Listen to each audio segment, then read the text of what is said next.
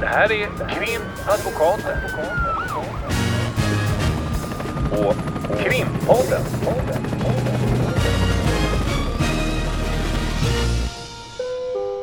Parter och ombud kallas till sal 32. Hej Lotta! Hej Ulrika! Eh, vi inledde ju hösten eh, förra gången eh, med att prata om lite som en upptakt Mm. inför eh, kommande val och inför eh, kommande politiska diskussioner och eh, vad vi misstänker sannolikt ganska mycket fokus kring eh, gängskjutningar och allt det här. Och att vi, Kriminalitet generellt. yes, Mm. Eh, intressant när man jämför med de andra nordiska länderna eh, och deras val och andra länders val. Det finns ju inte den fokus alls, utan kanske något mer då på miljön och sånt. Mm. Men Sverige sticker ju också ut när det gäller de här skjutningarna. Det ska vi inte sticka under stol med. Men då eh, har ju vi sagt att vi skulle också beskriva lite ärenden Mm. och att vi har eh, varit, pratat med klienter och, och att de eh, såklart inte ska pekas ut på ett ena eller andra sättet men gärna bidrar till att vi kan berätta lite mer. Mm. Eh, och då är det så att då tänkte vi den här gången inleda med att prata om en fråga som flera personer eh, efter att ha hört vårt förra avsnitt har Mm. hört av sig. Det är faktiskt totalt fyra personer Mm. som har hört av sig och sagt att hur fungerar det eh, vid en skjutning där en person dör? Ni har pratat om att vara försvarare och så, men hur fungerar det för den personen som har dött? Finns det någon advokat för den som har dött? Mm. Och vad funkar i de lägena om man liksom företräder brottsoffret? Kan man få en advokat då fast man är död? Mm. Och det tänkte vi prata om idag. En bra fråga. Mm. Så det ska vi prata om. Och ehm, eh, också försöka ju som vi annars eh, är försiktiga med, men att försöka lägga det lite grann i egna erfarenheter. Mm. För det är absolut så att när efter en skjutning till exempel eh, så för eh, den avlidne så eh, förordnas ett målsägande beträde, alltså en advokat eller en jurist, för eh, anhöriga. De som kallas för dödsboet, nämligen de som är efterlevande, de närmast efterlevande får en advokat. Ja. En föräldrar, syskon, Mm. barn. Och det är ett målsägandebiträde precis på samma sätt som om man blir utsatt för en misshandel eller en skjutning och inte avlider så får man ett målsägandebiträde. Då företräder man ju den personen som har blivit utsatt för brottet. Men här så företräder man då familjen omkring den personen som har avlidit. Mm. Och det tycker jag är en eh, speciell roll som målsägande beträde. Ehm, att man eh, dels så kan det ju vara väldigt många som man eh, är advokat till om det är en stor familj. Mm. Ehm, det är, enligt min erfarenhet så är det lite olika. Ibland så kan man bli, för en familj kan ju vara flera olika grenar om man säger. Ehm, när, man, alltså när en avliden person så kan det ju vara en, en skilda föräldrar eller alltså det, det Mm. kan ju vara st- verkligen stora familjer på olika sätt. Och ibland så blir man eh, advokat för allihopa och, och ibland så delas det upp ifrån domstolens sida. Ehm, till exempel att man är för, för olika falanger, man ska säga. Ja, det familje. är precis. Jag var med om det en gång där jag förordnades för, för alla. Eh, men då eh, visade det sig redan efter bara de första förhören, eh, vi kommer att återkomma till hur de här förhören går till, men då visade det sig att flera eh, bland mina klienter ansåg att en av dem jag var förordnad för eh, kunde ha uppgifter som som gjorde att de misstrodde den personen Mm. och trodde att den personen kanske inte kanske hade varit inblandad men ändå hade uppgifter och, och höll tyst om det. Och så så att det, det redan på ett väldigt tidigt stadium så uppkom det någon typ av eventuell intressekonflikt. Mm. Och då frånträdde jag, då träffade jag aldrig den klienten. Eh, utan det ordnades att det blev en annan advokat. Det visade sig i slutändan att det inte var på det sättet som de hade trott där i, i, början. Men det är också det att det är en väldigt, väldigt stor sorg som de Mm. har drabbats av. Så att, alltså det är inte ens nästan sorg, utan det är ju chock. Mm. För att när man blir förordnad i den typen av ärenden, då blir man ju det nästan i omedelbar anslutning Mm. till att dödsfallet har ägt rum. Så att det är, och på det sättet är det ju också speciellt, alltså även om, om man är för i andra mål när det är en eh, målsägande så är det ju naturligtvis en, en process när man har blivit utsatt för brott.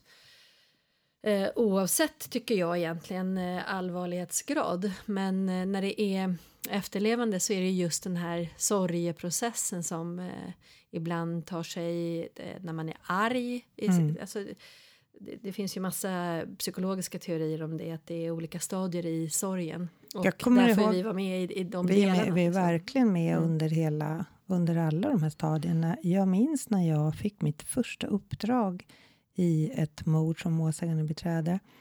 Eh, det är ganska många år sedan, men det var det första uppdraget. Och då kommer jag ihåg att det hade bokats in. Det var en, en man som hade inte blivit skjuten, han hade blivit dödad på ett annat sätt. Mm. En ung kille. Och då blev jag förordnad för eh, föräldrar och syskon. Och då kommer jag ihåg att det bokades via vår sekreterare i ett stort konferensrum på den byrån jag jobbade. Bokades det ett möte ganska omgående då. Och då kommer jag ihåg att jag samlade ihop eh, mina papper. Jag kommer från någon annan grej. Hämtade penna och bad om att de skulle få Ramlösa och sådär. Och sen så kom jag in i rummet lite med den där ruschen som man har. För Mm. att man går från det ena till det andra och så ska man liksom byta fokus. Och så kom jag in och hej och hej och satte mig ner och sa ja, vi ska börja här nu och, så, och jag skulle presentera mig. Och sen inser jag när jag liksom, det har gått en millisekund, så inser jag, men herregud, de här människorna, bland annat mamma och pappan Mm. till den unga killen, sitter i det här rummet och deras son, Mm. som var det viktigaste av allt för dem, har precis blivit mördad. Mm.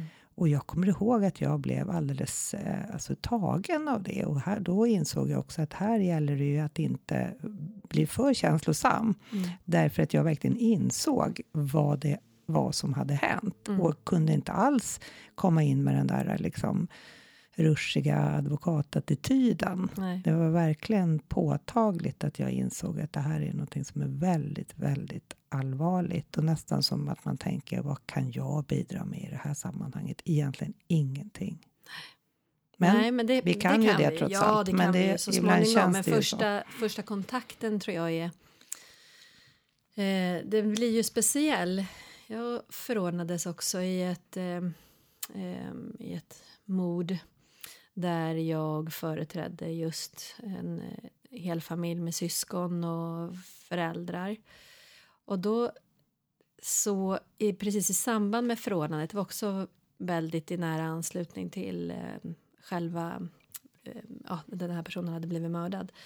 Och då så skedde förhöret, jag, alltså det, jag undrar om det inte var en dag efter, alltså det Mm. var extremt i nära. Och det har ju att göra med de här vanliga fristerna som vi brukar prata om utifrån försvararperspektivet, att det kan vara en, en person som har blivit gripen, anhållen och för polis och åklagares del så ska det ju utredningen är ju som mest intensiv måste man ändå säga de här Ja, dagarna när det, in, inför häktningen liksom.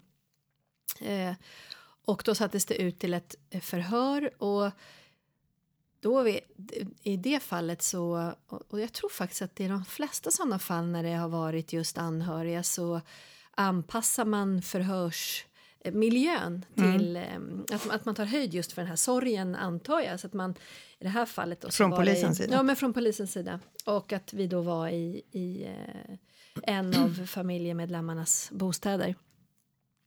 Eh, bostad, bostäder.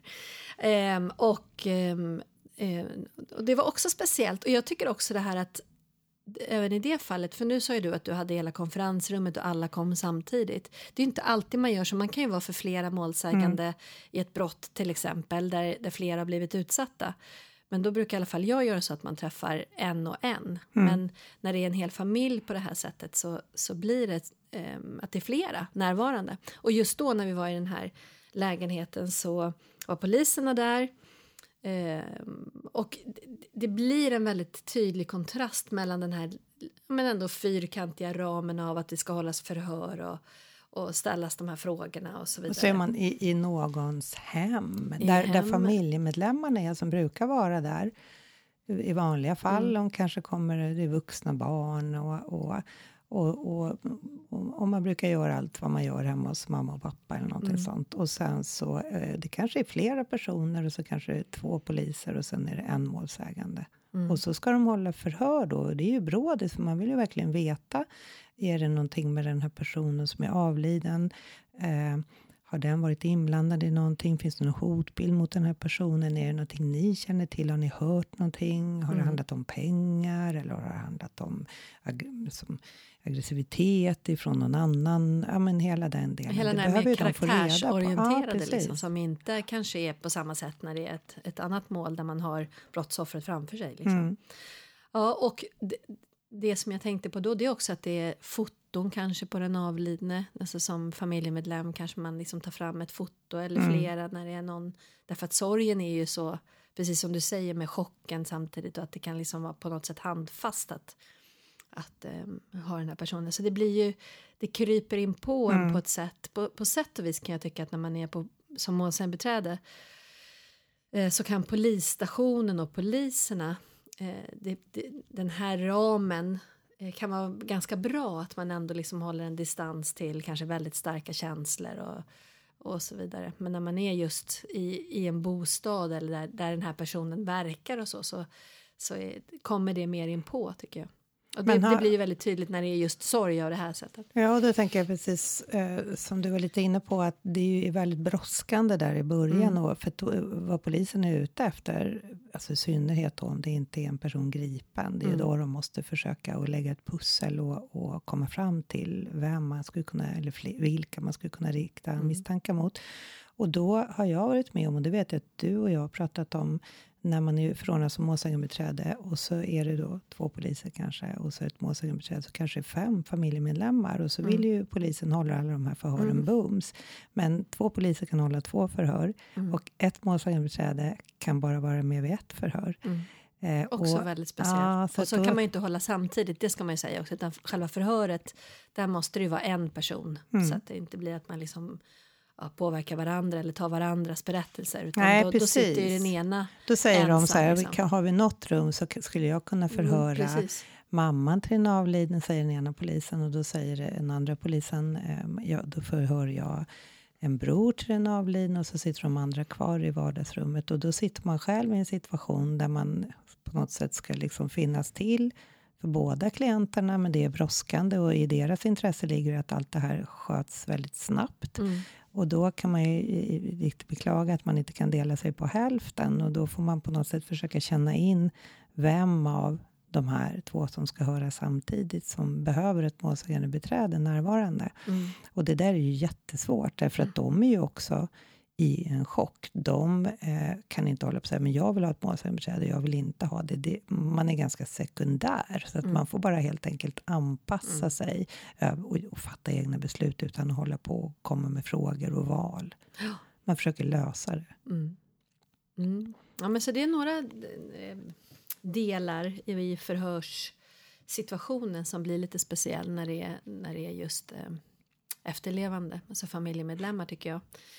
Eh, sen så under själva förundersökningsprocessen är det ju också lite speciellt att eh, ha då eh, familjemedlemmar därför att enligt min uppfattning i alla fall så kan det eh, även komma in andra delar. Det gör det ju i och för sig kanske som en målsägare också, men just det här att man kanske lotsar till begravningsbyrå. Eh, jag tycker också det här med eh, beroende på dödsorsak och så, men eh, en, familjer brukar ju vara ganska angelägna om att snabbt få kanske tillträde till kroppen så att man kan också ha begravning. Mm.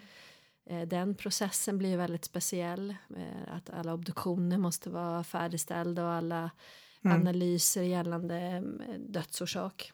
Och det familjen vill är att, är att sak, kunna... men Ja, det är andra. Ja, om man tänker att man vill utifrån familjens eh, uppfattning, det här är ingenting vi sitter och fabulerar ihop, utan man är ju precis väldigt, som vi sa, flexibel och, och försöker vara inom ramen för vårt jobb försöker vi ändå vara liksom inkännande i, eh, i, ganska många delar och försöker hjälpa dem. Jag har kontakt Mm. med polisen för att de vill ju oftast kunna ha en begravning Mm. och, och minnesstund och sådana saker. Mm. Och sen just det här som du var inne på, vad händer nu? Vad händer om någon har bott i en villa eller om någon har bott i en bostadsrätt eller vad Mm. händer med, med- eller alltså, vad händer med ja, det som egentligen är det juridiska dödsboet? Mm. Hur, vem kan hjälpa oss med det här? Nu kommer det räkningar här och sådana saker och varken du eller jag ägnar oss åt ekonomisk familjerätt så vad vi gör då det är antingen att, att lotsa familjen till någon som ägnar sig åt det Mm. eller om eh, den personen då anser att det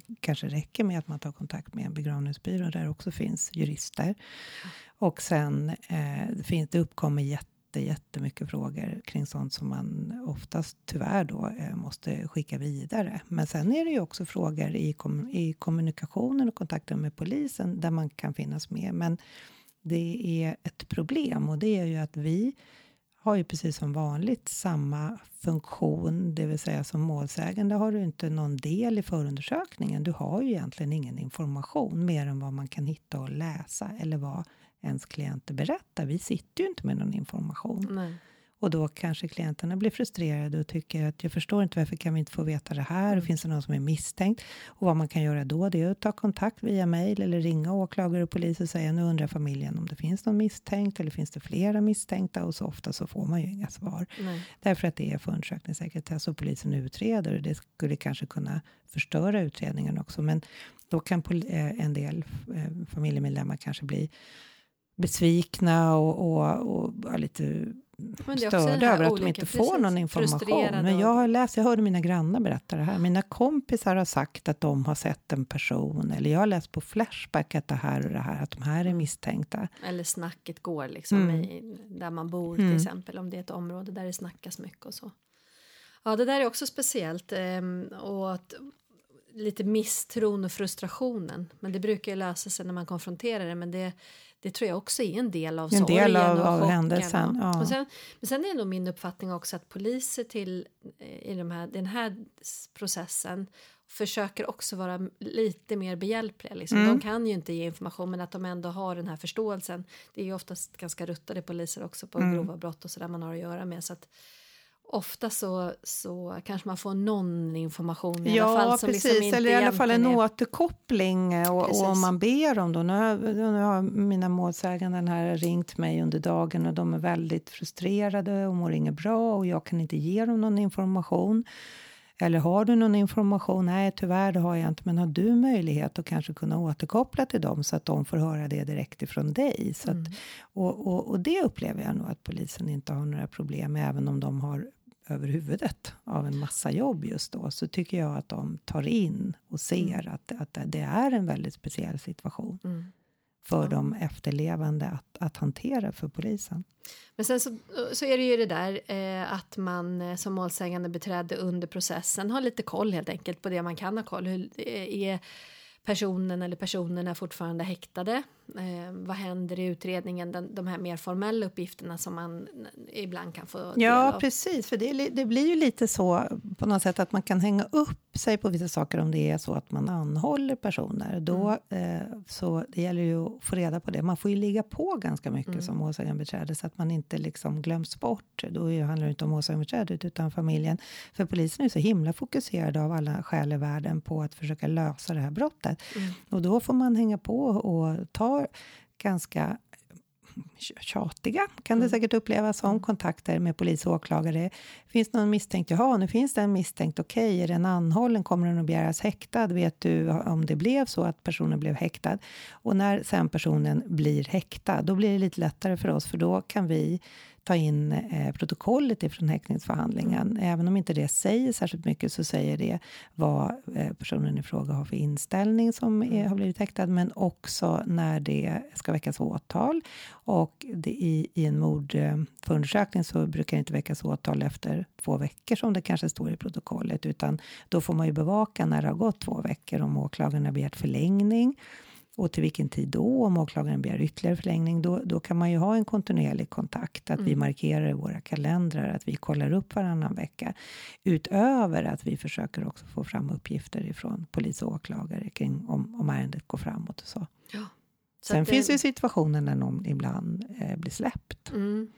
Och Ja, de, är de är ju lite svåra Mm. eh, för, givetvis, för de efterlevande, för familjen. När någon blir anhållen, häktad kanske tre veckor För och sen släppt liksom, och för släpps. För då, då förstår man ju att misstanken har sjunkit Mm. betänkligt. Man säger. Annars så blir man ju är inte det släppt. obligatorisk häktning. Ja, precis. precis. Men eh, Och då kan de ha hört eh, då, Mm. eh, såklart. För att de får ju en massa rykten och information och kanske fel information. och Så, och det, så är de helt säkra på att det är den här personen. Nu kommer det sig att den blir släppt. mm, Och i vissa fall så är det ju så att förundersökningen kanske också läggs ner därför att det inte finns tillräckligt med information och familjen är övertygad om att en person faktiskt är skyldig, vilket även polisen kan vara. mm. Och det är ju inte lätt. Nej. Eller läggs ner vad gäller de misstankarna i vart Mm. fall. Sen så pågår ju egentligen alltid, det, det stängs ju inte ner fallet liksom i och med att det inte är någon preskriptionstid på. Nej, det kan ju återupptas om det händer någonting. Men kan- just det här problemet då, har jag varit med om vid, vid några tillfällen eh, när polisen eh, har beskrivit, åklagaren har beskrivit att vi, vi får inte fram någon information för det är ingen som vill delge oss någon information. Då har jag gjort så, i några ärenden har jag gjort så att jag har bett åklagaren att sätta sig ner tillsammans med mig och mina klienter. Att man har möjlighet att komma upp Exakt. till åklagarkammaren så att åklagaren faktiskt får förklara för dem. För det blir så konstigt när åklagaren pratar med oss. Vi, vi förstår ju hur- det ser ut. Vi Mm. kan ju juridiken och, och vi har kanske inte så sällan samma uppfattning som åklagaren om det verkligen går att driva det eller inte ut efter den informationen vi får. Men då är det ju jättebra om åklagaren kan vara behjälplig med att sätta sig ner med målsägandena tillsammans med målsägandebiträdet och redogöra för hur tankarna går kring varför det inte går att driva ärendet vidare. Mm. Ja, jag har faktiskt vid ett tillfälle, eller vid två tillfällen varit med om att även polisen har erbjudit det. Att man Mm. sitter och går igenom eh, valda delar av förundersökningen, vilket ju fortfarande då är sekretessbelagt Mm. när, det- när eh, det läggs ner gällande misstankar. Men för att ge efterlevande också den här eh, bilden av vad som har hänt. Mm. Ehm, och kanske mer informellt någon sorts arbetshypotes i hur det faktiskt har, har hur polisen i alla fall resonerar hur det kan ha gått till men att det inte går att, att styrka fullt ut liksom. Och då är det precis som du säger att även om en förundersökning, så ofta så är det här efter ganska lång Mm. utredningstid. Eh, men om då en förundersökning läggs ner därför att det inte går att styrka vem eller hur det här har gått till, vem som gjort sig skyldig till det eller hur det har gått till. Då eh, får ju också målsägandena med sig, eller familjen med sig, att det som du sa, det finns Mm. ingen preskri preskriptionstid och det innebär att förundersökningen kan öppnas för all framtid om det kommer in någonting nytt. Mm. Och det är ju alltid trösterikt kanske. I alla fall så är det alltid en lättnad för oss att kunna säga det. Att det här betyder inte att det är liksom kört för all framtid att kunna göra, fortsätta den här utredningen. Utan kommer det fram uppgifter, är det någon som ångrar sig och faktiskt vill berätta någonting? Eller kommer det fram ny bevisning, teknisk bevisning i kanske något helt annat typ av mål? Så går det att återuppta förundersökningen. Precis, en DNA-träff i ett annat mål till exempel Ja. som plötsligt matchas med. Mm. Det händer ju faktiskt. Ja. Jag- ja, det är väl egentligen det man kan säga om eh, vad som händer under själva förundersökningen. Vi kan ju också eh, tänka på att, att eh, eh, när vi pratar om att det finns olika typer av familjekonstellationer. Du sa ibland kan det ju vara så att föräldrarna till den avlidne kanske är skilda och det finns nya partners och nya barn. Så att det är väldigt, väldigt många människor runt den här som, som är avliden. Men sen kan det ju också vara så att folk bor i andra länder. En del av familjen bor i ett annat land och, och då eh, eh, ska det kanske hållas förhör med dem. Eh, och, och i vissa fall så kanske det bor nära anhöriga som ingår i dödsboet. Syskon till den avlidne till exempel som inte bor i Sverige. Och då kanske inte de ens ska höras eftersom de egentligen inte har någonting att bidra med i själva utredningen. Men de är ju fortfarande målsäganden. Och då kan det ju också uppkomma eh, en viss frustration. eh, Får inte jag bidra till det här? Och, och kommer det sig att polisen inte vill förhöra mig? Mm. Men eh, sen blir man ju ändå i slutändan kallad till domstolen när det blir en huvudförhandling. Men eh, huvudförhandlingen, eh, Den spar vi. den spar vi. Och Och kanske vi, tar ett samlat grepp om eh, huvudförhandlingen I största allmänhet. I största allmänhet Mm. utifrån det här perspektivet. men vad vi kan säga nu är väl det att eh, som målsägande beträde just precis eh, i, i förhållande till, till just de här specifika ärendena så är det, det är ganska, vad man säga, det är ganska eh, jobbigt, eh, ganska jobbigt. Är ju, är ju ett understatement så det räcker, men familjen är i chock eh, och det är, oftast inkluderar alla. Mm. och också så öppnar det konflikter som familjen kan ha haft kring olika, delar mellan varandra. Mm. Man, man kanske ringer till målsägandebiträdet och, och säger ja men nu är jag jättearg på min moster för nu säger hon så här och Mm. nu säger min farbror på det här viset och, och min mamma är jätteledsen nu för de har sagt att de eh, tycker att inte hon har tagit hand om sin son. Eller, det kan bli en massa såna där konflikter som öppnar sig i familjen när de är i den här chocken. Och, och på något sätt är det ju naturligt, man, man försöker skylla ifrån sig själv eller man får jätteångest över att man själv är orsak till någonting, fast man inte är det. Men, men det är ju en, en naturlig process och då gäller det också att hålla huvudet kallt som målsägande beträde. Och jag brukar också göra så att jag kallar in målsägandena, självklart en och en, eh, men också att man kan ha lite större sammanhang och lite större möten då och då. Även om i, egentligen kanske inte har hänt så mycket i ärendet så har man en kontakt med åklagare eller polis och så kan man sätta sig ner och så kan man gå igenom hur har det gått nu? Har ni fått den här kontakten med begravningsbyrån? Hur har det gått med kostnaderna för begravning och minnestund och sådana saker? Om man har rest utomlands i samband med en begravning och så. Eh, och det är ju därför att vi i slutändan, vilket vi kommer att prata om när vi pratar huvudförhandling, då ska ju vi eh, hjälpa till med att yrka skadestånd för de efterlevande. Det är inte bara att de ska få ersättning för, för det lidandet de har blivit utsatta för på grund av att deras nära anhörig har, har blivit dödad, utan det är också kostnader och så. Så att man, man kan ha sådana här uppsummeringsmöten då och då. Oftast så påkallas det av klienterna och man själv tycker att det känns ganska vettigt att ha det i olika konstellationer eller som en hel grupp eller en och en. Och de ska ju kunna känna att de har en jurist i ryggen om det är någonting som händer. Precis. Och sen kan, har jag varit med om att det händer att då har de fått ett svar ifrån begravningsbyråns jurist och så ringer de och frågar om det här kan stämma och då för min del i alla fall så kan jag oftast inte alls navigera i den typen av juridik. Nej. Men då kan man ju ta kontakt med ens kollegor som, som jobbar med det och så kan man bolla lite så där så att de ska känna sig trygga i att de inte bara är helt ute på hal is. Mm.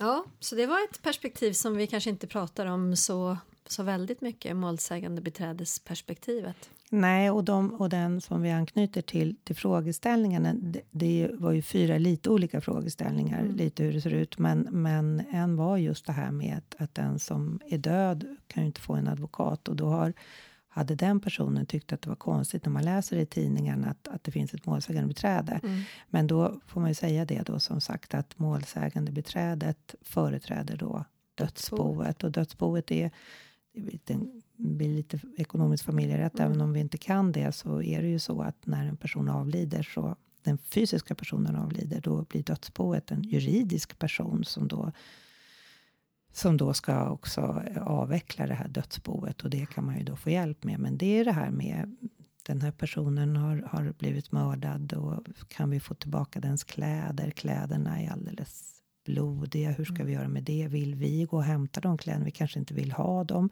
Vad händer med hans plånbok? Jag vet Flera att han har jättefina bilder. Mm. Olika kanske vill ha. Precis. Mm. Och hur, hur är när det gäller de här beslagen som, som finns och när de hävs, vem, vem, som, vem som vill ha den där minnes... Ja, mobil precis. där det kanske finns foton och grejer som kan ha jättebetydelse Mm. för nära anhöriga. Jättebetydelse Mm. just när det gäller eh, mobiltelefoner Mm. som, som det kan ta ganska lång tid innan, Mm. innan man får tillbaka. Mm. Men också när man väl får tillbaka det, vem som ska ha Mm. eh, de, som du säger, smycken eller personliga ägodelar och så. Finns det någon flickvän kanske som vill ha det och sen så finns det en syster som har gett personen de här sakerna som Mm, vill ha det och precis. så blir, så blir det eh, diskussioner och, och kanske en del irritation i, i det här kollektivet om man får kalla dem för det, nämligen de efterlevande i familjen. Mm. Och då ju, finns det ju också en juridik att, att reda ut, men den, den ägnar sig inte målsägandebiträdet åt. Men Nej. det finns också målsägandebiträden, har jag mött i olika processer när jag varit försvarare, målsägandebiträden som också hanterar den ekonomiska familjerätten och kan eh, också eh, bidra med, med erfarenhet och kunskap, både, både vad gäller ekonomiska delarna och, och arvsrättsliga delarna. Mm. Men det ingår inte i målsägandebiträdets roll. Nej. Och det kan ju också vara frustrerande. Varför ska jag behöva ha två advokater? Det känns jättebakvänt. Men det är nog också ganska vettigt att det är, det är inte samma person som sköter precis allt. Nej. Även Men det är väl också en anledning, ska man ju säga, att det, det är inte sällan vi konfronterar det Mm. även i vår roll. Och det är en anledning till att vi har anställt också en, en advokat som faktiskt har det ekonomisk familjerätt Ja, som sin precis. specialitet. Och det är, det är, ju, det är ju väldigt bra. För då kan ju vi som har liksom. noll koll på, på det området eh, också eh, dels kunna hjälpa till men också kunna bolla. Att det Mm. finns någon som kan bolla de uppgifter som målsägarna kanske har fått ifrån begravningsbyrån eller ifrån bankjuristen eller Precis. lite sånt. Att, att det finns någon som har den kunskapen. Eh, för det, vad det handlar om det är ju liksom bygga upp någon typ av nät Mm. runt så att de ska känna sig trygga, att de är uppfångade eh, i en situation som man själv inte ens kan föreställa sig hur fruktansvärd den är. Mm. Ja, det var det vi hade tänkt att redogöra för idag. Så återkommer vi eh, när det gäller att samla upp ens klienter och förbereda ens klienter och yrka på skadestånd och sånt när vi kommer till huvudförhandlingen som kan pågå i många, många dagar och, och hur man hanterar det som målsägandebiträde. Tack för idag. Tack för idag! Krimpodden.